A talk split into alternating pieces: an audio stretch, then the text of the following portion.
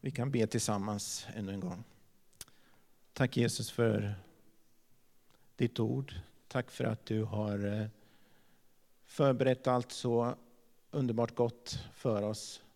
Att vi har en församling, att vi har eh, en skrift, ett ord som vi kan följa, där du instruerar oss och där du visar på vem du är. Jag ber den här stunden Gud att du ska låta dina ord få landa i våra hjärtan. Jag ber att du ska låta de ord som inte är ifrån dig, att det ska få förmultna och försvinna. Och jag ber att du ska vidröra var och en av oss med det som du vill, med det du har tänkt dig och det som är din vilja, Gud.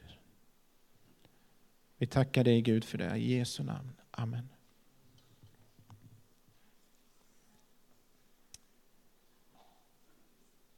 En kort predikan, står det i programmet här.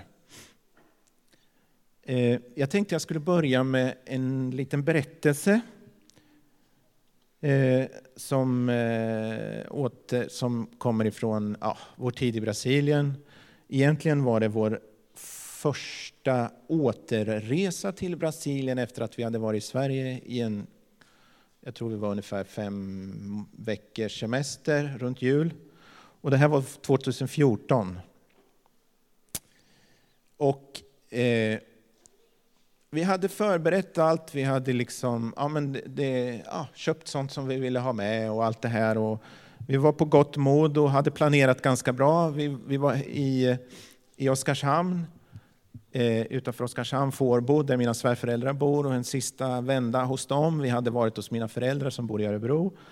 Och så skulle vi från Oskarshamn åka till Stockholm och där bor min syster som bor i Stockholm en sista natt. Och sen skulle vi typ, eller om det var två nätter där, sen skulle vi typ åka till Sverige. Och det var tanken. Så när vi sitter i Fårbo så ringer min syster, som också bor i Örebro, en annan syster, och säger eh, mamma har fått eh, bröstsmärtor. Och hon hade något år tidigare gjort sån här bypassoperation, två eller tre stycken på en och samma operation. Så det, ja, eh, då tänkte vi så här, jaha, ska vi behöva ta en vända dit kanske för att ändå se henne. Och så här. Och, och, givetvis skapar det en liten oro. Men eh, ja, efter ett tag så eh, hade hon ju åkt in med ambulans och gjort undersökningar och så här. Så säger min syster, eller ringer min syster igen och säger att men det, det var ingenting. De hittar ingenting på proven, det är ingenting. Det är nog bara lite oro. Eh, och sen dagen efter då så åker vi till Stockholm och bor hos min syster. Vi planerar att åka till Vasamuseet, hela familjen, för vi tänkte att ja, vi gör någonting den dagen så att vi har någonting för oss. Vi hade liksom, allt var färdigt. Så vi åker dit, parkerar utanför och är där inne ungefär tre timmar så kommer vi ut. Och på den bilen som vi, eh, eller som min svärfar hyrde åt oss de fem veckorna, så var det ungefär så här stort hål i bakrutan. Och i den hade jag givetvis min stora kameraväska med all min kamerautrustning, kamera, objektiv, dator och hela rubbet. Jag vet inte vad, det kan ha varit värt många tusenlappar i alla fall. Och den var helt borta, precis dagen innan vi ska åka och jag hade ju köpt objektiv som jag hade, eh, inte hade packat upp men hade dem i resväskan. Och det finns ingen anledning att ta med sig objektiv till Brasilien om jag inte har någon kamera att använda den med och ta med det till ett fuktigt land där mögel och allt möjligt annat förstör. Så det var ju också ett bekymmer. Och den natten eller kvällen satt vi i princip hela kvällen framför datorn och gjorde en polisanmälan på varenda pryl som fanns i den där väskan. Och så var det två, två också ryggsäckar som mina barn hade fått i julklapp. Och det var ju typ, typ en stor del av deras julklappar i de där också givetvis.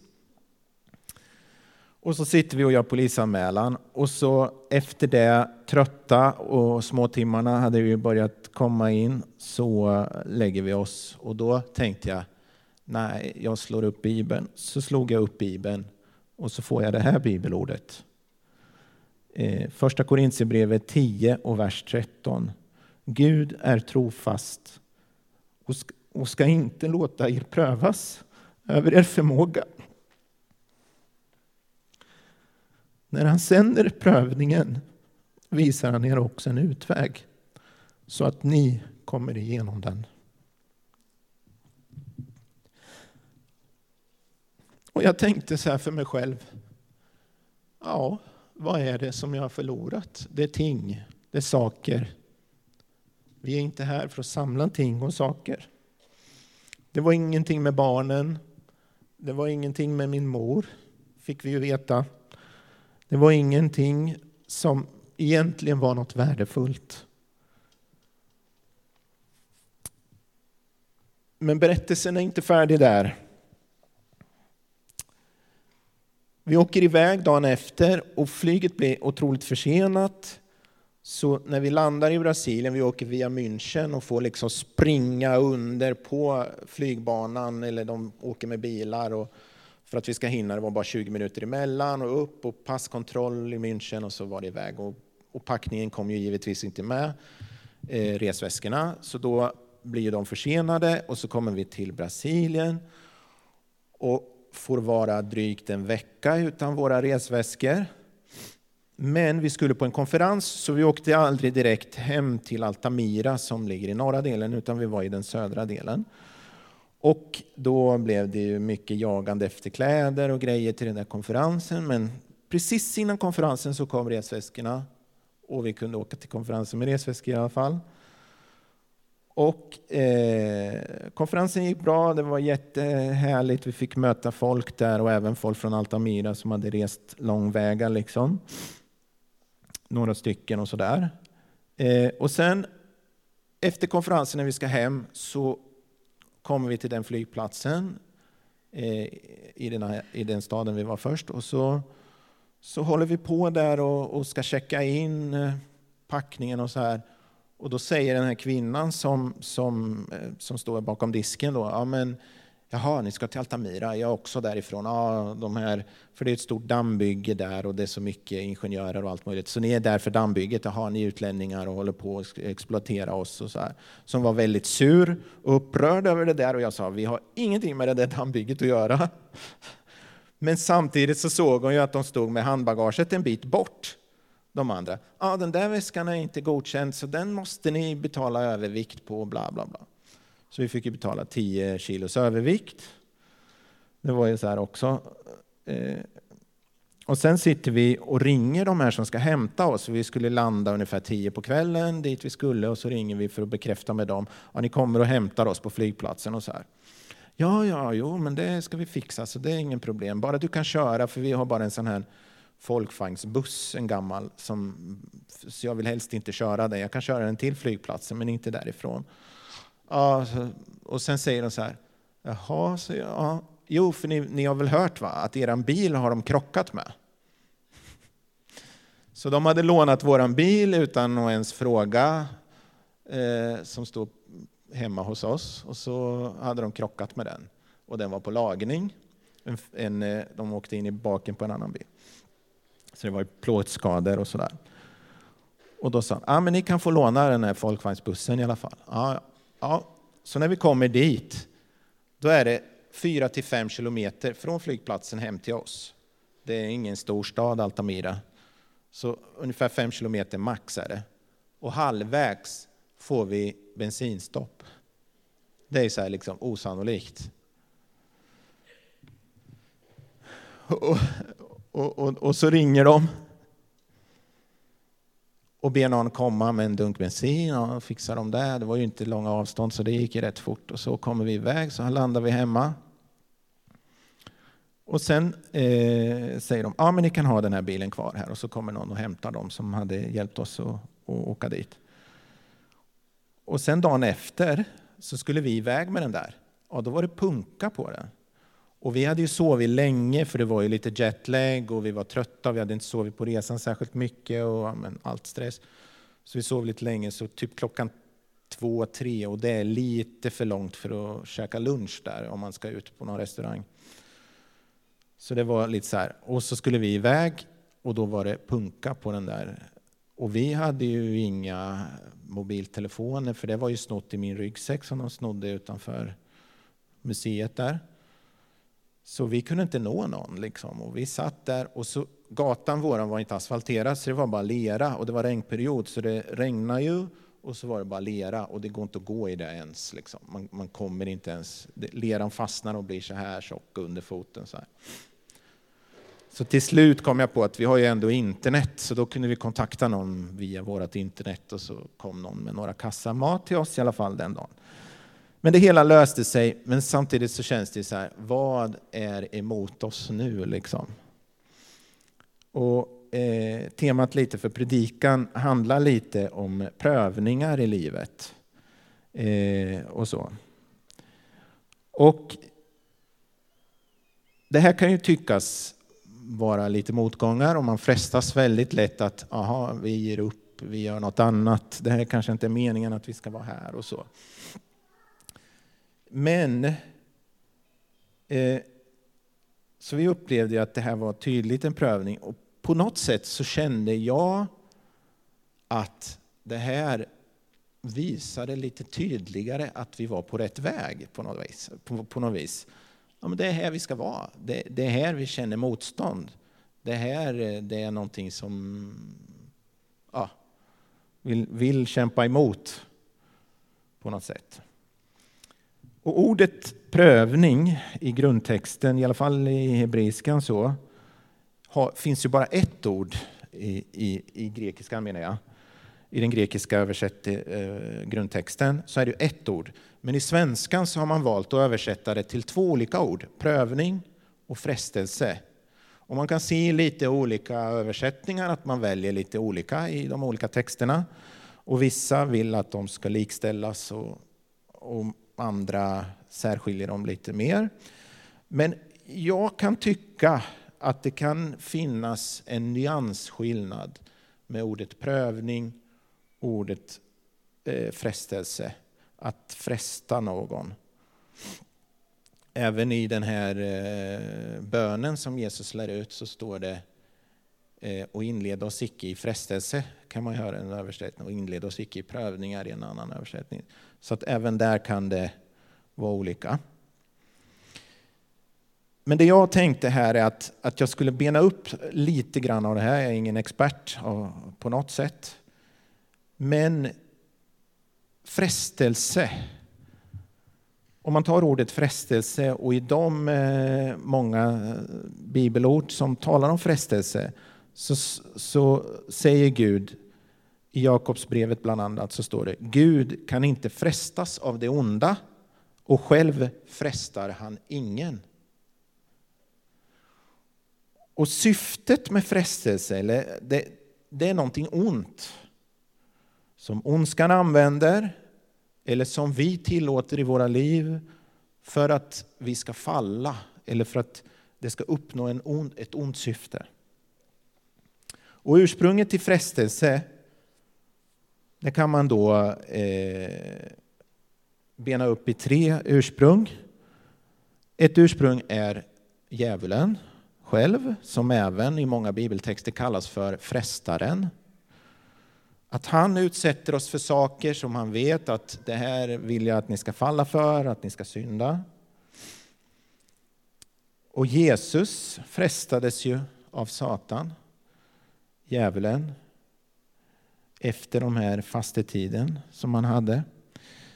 Och sen ett annat ursprung är världen. De som lever i världen, och det är ju liksom ett tankesätt där man lever syndigt, man lever efter världens regler, egoismen och allt det här. De vill också locka oss till att leva som dem, att göra som dem. Och många gånger när man träffar, eh, alltså, nu ska jag inte generalisera alla så till det, men jag har varit med om många gånger när man är med kompisar som inte är kristna, så säger de ofta Åh, ska inte du dricka? Och så försöker de övertala en till att dricka. Nu har inte jag något emot att dricka och så, men, och, och det, men, men på något sätt så, så är jag inte för att vilja liksom det så mycket. Och det kan ju också diskuteras om det vart gränsen går och sådana grejer. Men, men ofta så vill de liksom locka en till att göra som dem. Eh, och det är ett, ett eh, ursprung. Ett annat ursprung är också vår egen syndiga natur. Våra egna val, våra egna sätt att leva. Att vi, vi frestas till att eh, stjäla något på jobbet eller, eller eh, ja, göra något i smyg eller ljuga för någon eller någonting sånt. När det egentligen inte finns anledning till det och som då kan ha dålig konsekvens i våra liv. Och Bibeln talar många gånger om att vi ska fly synden, fly frestelsen. I flera bibelord, så, eh, framförallt i grundtexten, så, så tar man upp det här att, att, att det handlar om att fly. Man ska inte liksom försöka att ta sig an frestelsen, för många gånger syftet är att vi ska falla och istället vända ryggen åt det och försöka att inte utsättas för frestelse. Försöka forma sitt liv att man eh, inte tillåter frestelsen att få tillfällen i livet. Sen har vi ordet prövning eller, eller tanken prövning. Eh, syftet med den är god. Ett gott syfte. Och I Ordspråksboken 17.3 kan vi se att det står silver prövas i degen och guld i ugnen, men hjärtat prövas av Herren. Så prövningar kan komma från Herren. Och Det är ett sätt för Gud att stärka våran tro. Ett sätt för Gud att fördjupa relationen med oss, att vi ska lita mer på honom, att vi ska söka honom djupare. Sen har vi också i många av de här två orden så eh, ingår ju även lidandet. Och det är ett stort ämne i sig och jag ska inte fördjupa mig alldeles jättemycket. Men jag tror att det finns även en komponent till i den här eh, tillvaron. Och det är ett allmänt lidande. Vi kan utsättas för saker som vi ibland vill benämna frestelse eller vill benämna prövning och hit och dit. Men i, i själva verket kanske det bara är allmän, allmänt lidande. Och syftet med det, det finns inget syfte med det. Världen ligger under ondskans våld och, eh, och, och det finns lidande som är, är ofattbart och är obegripligt och som jag inte tror är Guds vilja när eh, saker händer och så. Men vi drabbas av det i alla fall, av olika sätt. Och jag tror att det också finns. Hur kan jag då veta om det är frestelse, prövning eller allmänt lidande i mitt liv? Jag tror inte, kanske om man har varit med om det väldigt mycket eller sådär så kanske man kan börja ana vad som är vad och, och så. Men, men jag, jag, tror inte att det är meningen att vi ska försöka söka vad, vad är det för att förhålla oss till det. Utan vi kan ha samma förhållningssätt egentligen till alla de här tre. Och förhållningssättet det är att när vi utsätts för frestelse, prövning eller allmänt lidande så spelar det ingen roll vilket av de här det är. För oavsett så har vi ett beslut att fatta. Och beslutet är att lägga det i Guds händer, att söka Gud, att låta honom och hans vilja få verka i våra liv, att be om hans hjälp och närhet och förlåtelse. Eller att vi vänder Gud ryggen och lägger skulden på Gud. Det tror jag är det valet vi har att göra när vi utsätts för saker. Jag tänkte jag skulle berätta en liten berättelse till. Det här var 2015. Och det här, eh, eller så var det 2016 när vi precis kom tillbaks. Så tror jag det var. Vi hade precis kommit tillbaka till Brasilien. Det var inte alls samma resa som den första resan. Det hade gått bra och vi hade kommit och landat hemma i vårt hus där i Brasilien. Och så hade vi kommunicerat lite med eh, en grupp som vi hade som gjorde andakter och, och, och små möten på ett, eh, ett boende som låg typ en mil utanför stan. Där en gård där indianerna fick bo under tiden de eh, behandlades eller någon släkting behandlades eh, på sjukhus eh, eller utreddes för någonting medicinskt. Så det var typ ett sjukhem och där fick de bo. Och där eh, hade Gud öppnat en otrolig möjlighet, för myndigheterna är väldigt emot så här religiös påverkan när det gäller indianer. Så vi fick ha möten en gång, en, vi fick fylla en bil, max, och ha möten en gång i veckan på det där stället. Och precis när vi hade kommit så var ju det här teamet liksom peppade. Åh, nu kan Mattias med sin bil åka, så kan vi åka med honom. och Så här. Så vi hade bestämt, ja men vi åker då. Och vi skulle vara där klockan sju på det här mötet. Och typ halv sju eller något så eh, går jag ut för att sätta mig i bilen och åka iväg och hämta dem. Och precis då, jag har aldrig varit med om det tidigare, så bara störtregnar det. blir en storm. Störtregnar och det kan bli lite så, i, i, det är inte ovanligt, men det störtregnar och det liksom fyller sjöar på vägarna och det, det, var, och det blåste enormt från, från floden upp mot den slänten vi bodde vid. Och jag började ju se att det började skaka i takpannorna. Och vi hade såna eternitpannor som är en halv meter gånger två meter breda. Så. Och de började skaka i kanten så här. Och jag märker ju liksom att det där sliter ju ut spikarna. Och till slut så ser jag en takpanna åka och jag bara, nej, vad gör jag nu? Och då tänkte jag, ska jag stanna hemma och kolla det där? Det här regn, om det här regnet fortsätter, det kommer ju bli en sjö inomhus. Och vi hade så gipsplattor som innertak. Ja, men liksom, hur blir det när det blir blött och, och allt det här? Alltså tankarna gick i mig. Sen tänkte jag för mig själv så här, vad kan jag göra nu ikväll för att rädda det där? Jag har ju liksom jag, jag kom inte upp på taket och det var kolmörkt ute, ja, men sådär som i tropikerna det blir. Så jag tänkte, nej, jag är inte här för att laga takpannor, jag är här för att ha möten bland indianer, tänkte jag. Det var min prioritet. Och jag tänkte, jag åker. Jag åker, jag låter det där vara, vi ser imorgon hur det blir. Så jag satte mig i bilen och åkte i de här sjöarna på vägen där det liksom sjunker ihop ibland. Och så hämtade jag dem och då precis när jag åkte iväg, då stannade regnet. Det var, så här, det var typ en kvart max, liksom, det här regnet. Och jag åkte iväg och vi har ett välsignat möte. Eh, vi får be för de här, och, och, och, jättehärligt. Och de är ju väldigt längtansfulla att vi ska komma, så det, det är fantastiskt. Och sen dagen efter, när jag väl får se och be någon kille komma och hjälpa mig att fixa dem där och köpa nya takpannor och allt det här. Då var det sju pannor av den här längden som hade försvunnit. Och när jag tittar in i huset, inte en droppe vatten.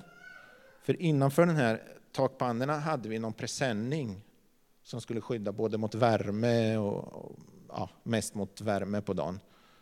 Och den presenningen låg kvar. Så inte en droppe hade kommit in. Och vi lagade där och fixade och det var ingenting.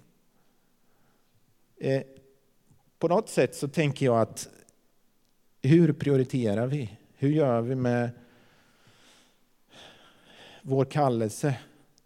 Jag fick många förfrågningar vet jag, i Brasilien i församlingen. Församlingen där hade ju inget arbete direkt med indianer utan det var missionärer som hade arbetet lite kopplade till församlingen, men församlingen hade ju sitt ungdoms, alla verksamheter som en församling har. En församling på 800 medlemmar. Och de tillfrågade mig om massa saker. Vill du vara med där? Vill du göra det här? Vill du så här? Och jag, liksom, jag försökte liksom att begränsa mig. Det var frestande i många lägen. De hade en, en pastorskola och de tänkte, ah, men kan du inte undervisa i det här? Kan du inte göra det här och det här? Och jag liksom, nej, nej, jag ska inte det. Min grej är att skapa relationer till indianer och eh, nå dem. Det är, min, det är min kallelse. Så jag sa nej till en massa saker och jag vet att det var lite så här känsligt, förtretligt i relationen till församlingen. Men i slutändan så, så tog ju församlingen det här projektet och anammade det. Liksom. Eh, så jag tror ändå att, att det, det, blev bra eh, på många sätt och vis. Och jag tror att Gud ibland tillåter oss att utsättas för saker som vi kanske ska tacka nej till. Eh, men även saker vi kanske ska tacka ja till. Eh, att vi eh, försöker att be Gud om ledning i det vi står i. Hur söker vi Gud då? Hur närmar vi oss Gud? Och jag tänker tre korta punkter här. Bönen, den här inledningen, be så ska ni få. Bulta så ska dörren öppnas. Gud är god, han vill ge oss goda saker. Vi som är onda och vet redan att ge våra barn goda saker. Hur tänker Gud? Om vi i bön, när vi frestas kanske och faller många gånger, istället för att bara vända ryggen till det och låta bli, så kan vi komma inför Herren och bara be om förlåtelse.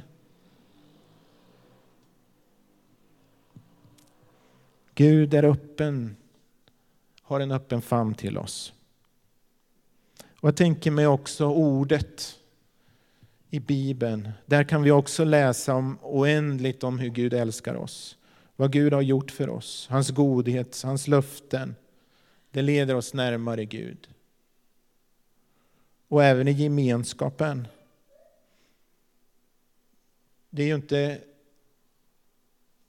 förutom att vi kallas för Kristi kropp som församling. Vi är en del av Guds verk.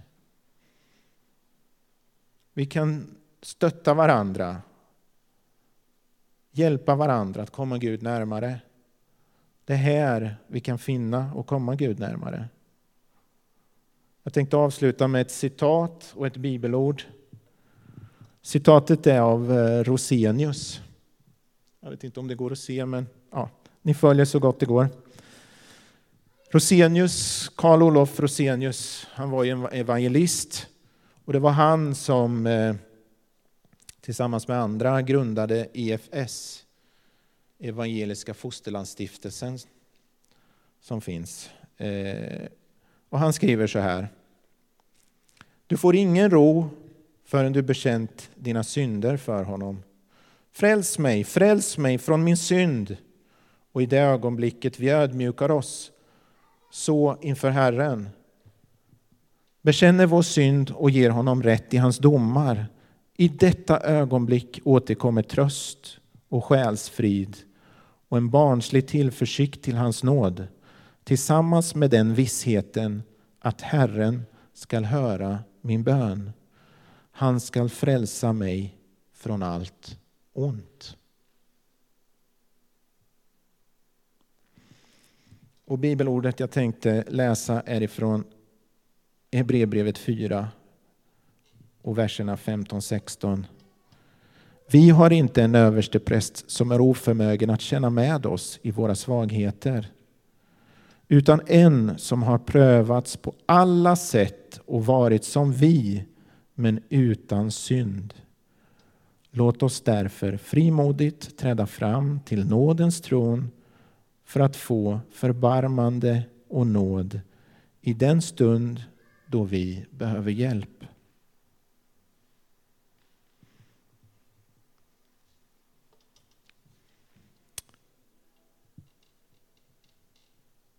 Jesus tvekade inte om sitt uppdrag. Han visste vad hans kallelse var.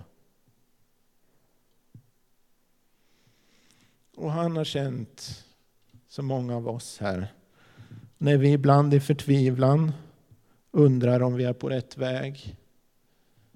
Eller undrar om Gud verkligen finns eller vill oss gott.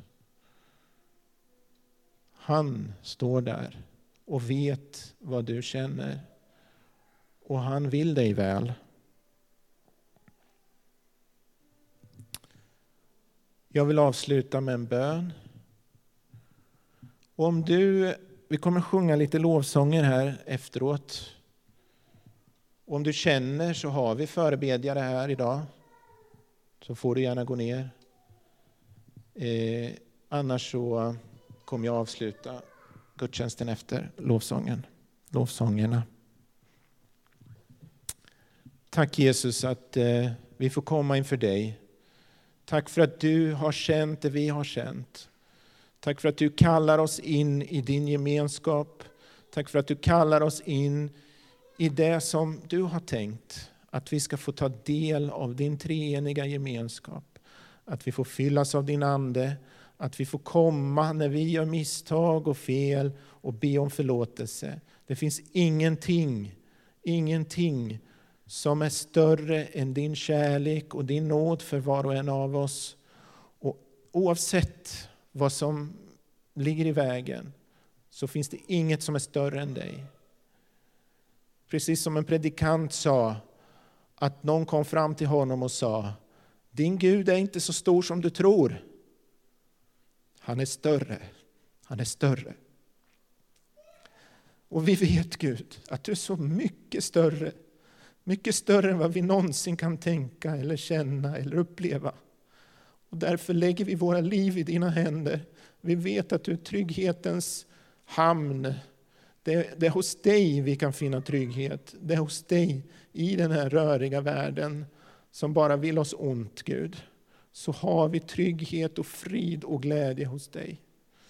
Och jag ber den här stunden, Gud, att du ska möta var och en av oss i tystnad eller i bön eller på det sätt du mest och bäst önskar Gud.